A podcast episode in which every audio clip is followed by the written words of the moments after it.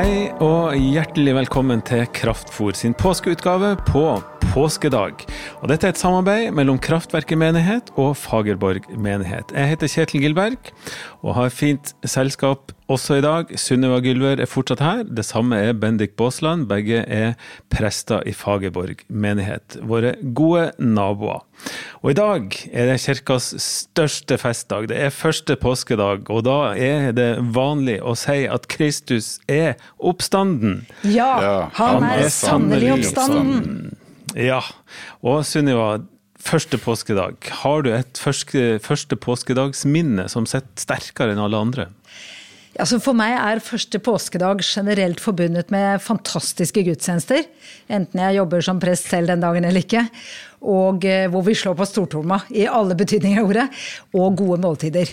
Eh, så jeg må nok kanskje si at eh, den påskedagen som stikker seg litt ut, er et på en måte litt blanda minne. Fordi søsteren min døde da hun var 15 og jeg var 16 av spiseforstyrrelser. Og det siste året Gunvor levde, så falt bursdagen hennes 3. april på første påskedag. Og at det ble en veldig sånn sterk opplevelse av at uh, gravene vi går til, kan være et håp et sted, fordi vi har en tom grav i ryggen. Ja. Dette er dagen for den tomme grava, og det er derfor det er en så stor fest. Jeg har vokst opp i en familie der vant, vi var vant til å gå i kirka, men eh, det var stadig jeg masa hele tida om å få slippe, da. Men første påskedag, da var det ikke snakk om å slippe. Da var det å komme seg opp, komme seg ut. Og så var faren min, han, han både var og er, og broren min er kirkemusiker, og det er akkurat sånn som du sa. Da var det slått på alle stortrommer som det går an.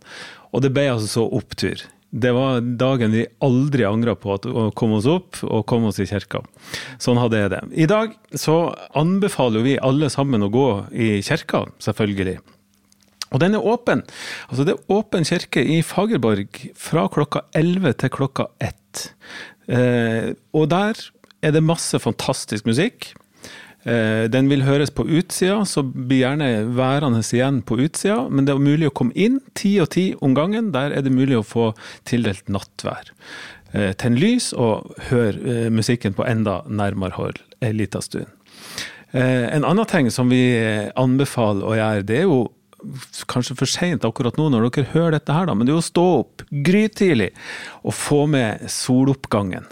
Enten ifra Blåsen i Stensparken eller et lokalt utkiktspunkt. Soloppgangen er sentral også på denne dagen, spesielt på denne dagen. Og Bendik, du har en ting til. Jeg kan skyte inn en ting. Ja. for det, det, er ikke så langt unna Blåsen, men det lyder Sjagens gate 5. Der bor veldig mange av våre eldre menighet, menighetsmedlemmer. Og der flagger de på første påskedag, så hele denne blokka er fullt av norske flagg. og Det er bare to kvartaler opp fra Fagerborg kirke, og det er en fin dag å flagge på. Så enten så kan du gå og kikke på det vakre skuet der, eller så kan du vurdere å flagge selv. Ja, det er sånn at første påskedag har jo sin tekst. Også i år har den en flott, flott oppstandelsestekst. Og Bendik, det er du som skal lese den i dag. Kan ikke du lese fra Matteus 28? Da sabbaten var over og det begynte å lysne den første dagen i uken, kom Maria Magdalena og den andre Maria for å se til graven. Med ett ble det et kraftig jordskjelv, for en Herrens engel steg ned fra himmelen, gikk fram og rullet steinen til side og satte seg på den. Han var som et lyn å se til, og drakten var hvit som snø. Vaktene skalv av redsel da de så ham, og de ble liggende som døde. Men engelen tok til orde og sa til kvinnene, Frykt ikke, jeg vet at dere leter etter Jesus, den korsfestede. Han er ikke her, han er stått opp, slik som han sa. Kom og se stedet hvor han lå. Skynd dere av sted og si til disiplene hans. Han er stått opp fra de døde, og han går i forveien for dere til Galilea. Der skal dere få se ham. Nå har jeg sagt dere det. Da skyndte de seg bort fra graven, redde, men jublende glade, og de løp for å fortelle det til disiplene. Og se, Jesus kom mot dem og sa, Vær hilset. De gikk fram og omfavnet føttene hans og tilba ham. Jesus sa til dem, Frykt ikke, gå og si til mine brødre at dere skal dra til Galilea. Der skal de se meg. Tusen takk, Bendik. Altså, Sunniva, det er ei setning her. Da skyndte de seg bort fra graven. Redde, men glade. Si noe om det. Ja, jeg elsker eh, den nyoversettelsen av akkurat den setningen. Om å være redde, men jublende glade. Fordi jeg tror egentlig, hvis vi tenker oss om, at veldig mange av oss kan ha den følelsen. Eh, jeg hadde den da jeg sju år gammel flytta fra Bergen til Oslo i 1974. Jeg hadde den eh, da jeg for 33 år siden sa ja til min elskede, at jeg ville leve med han hele livet. Jeg hadde den for 25 år siden, da jeg ble ordinert til prest. Og i 1998, en sommerdag, da jeg holdt min førstefødte i armene og tenkte 'hjelp, hvordan skal dette gå'? Eh, at det er veldig mange av de store tingene i livet som kaller både på det å være redd og jublende glad. Fordi vi kan kjenne på eh, gleden, lykken, takknemligheten over noe som er utrolig godt, og samtidig eh, hvor sårbare vi er i det. Um, så jeg kjenner meg igjen i disse damene, og så er det jo, må jeg bare si, utrolig kult at uh, på en tid og et sted der hvor kvinnene ikke var gyldige vitner i en rettssal, så er det nettopp damene da som får budskap om å gå og fortelle om dette. Um, så det, det, er den setningen jeg kanskje henger meg mest opp i. At den svarer til opplevelsen i livet av det gode, men samtidig hvor overveldende det kan være. Um, og så er det dette med når Jesus da sier 'frykt ikke inn i det'. fordi det kan bli litt sånn ok, Gud er liksom superheltenes superhelt. Hva vet du om å være redd, liksom?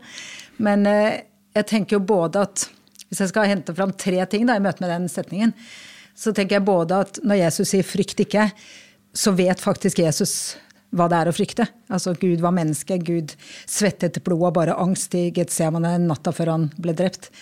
Eh, han vet om ensomhet, svik, tortur, eh, smerte, angst.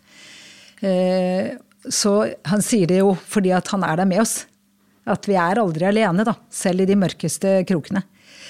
Og så tror jeg det er en litt sånn eh, folkehelsepsykologi da, fra Jesus. At eh, når det står i Bibelen at eh, frykten dreper livet, så er det jo ikke en sånn dom over de av oss som frykter. Jeg er jo redd for ganske mange ting, jeg.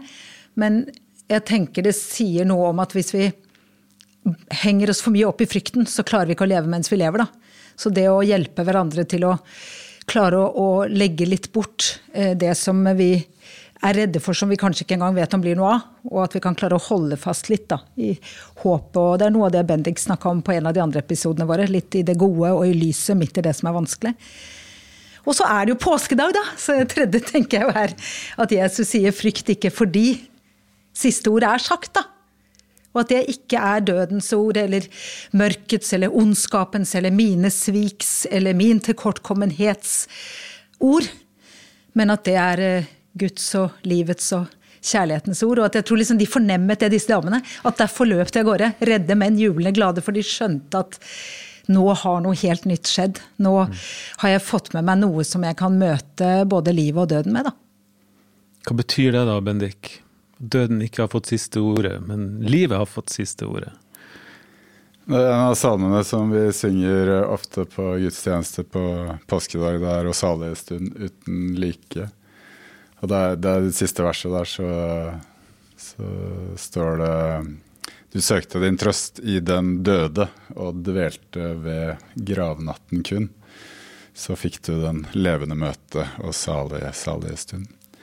Og det tenker jeg er jo altså, På den ene siden så, så har vi trøst i døden. At uh, døden er ikke endelig, døden er ikke slutten.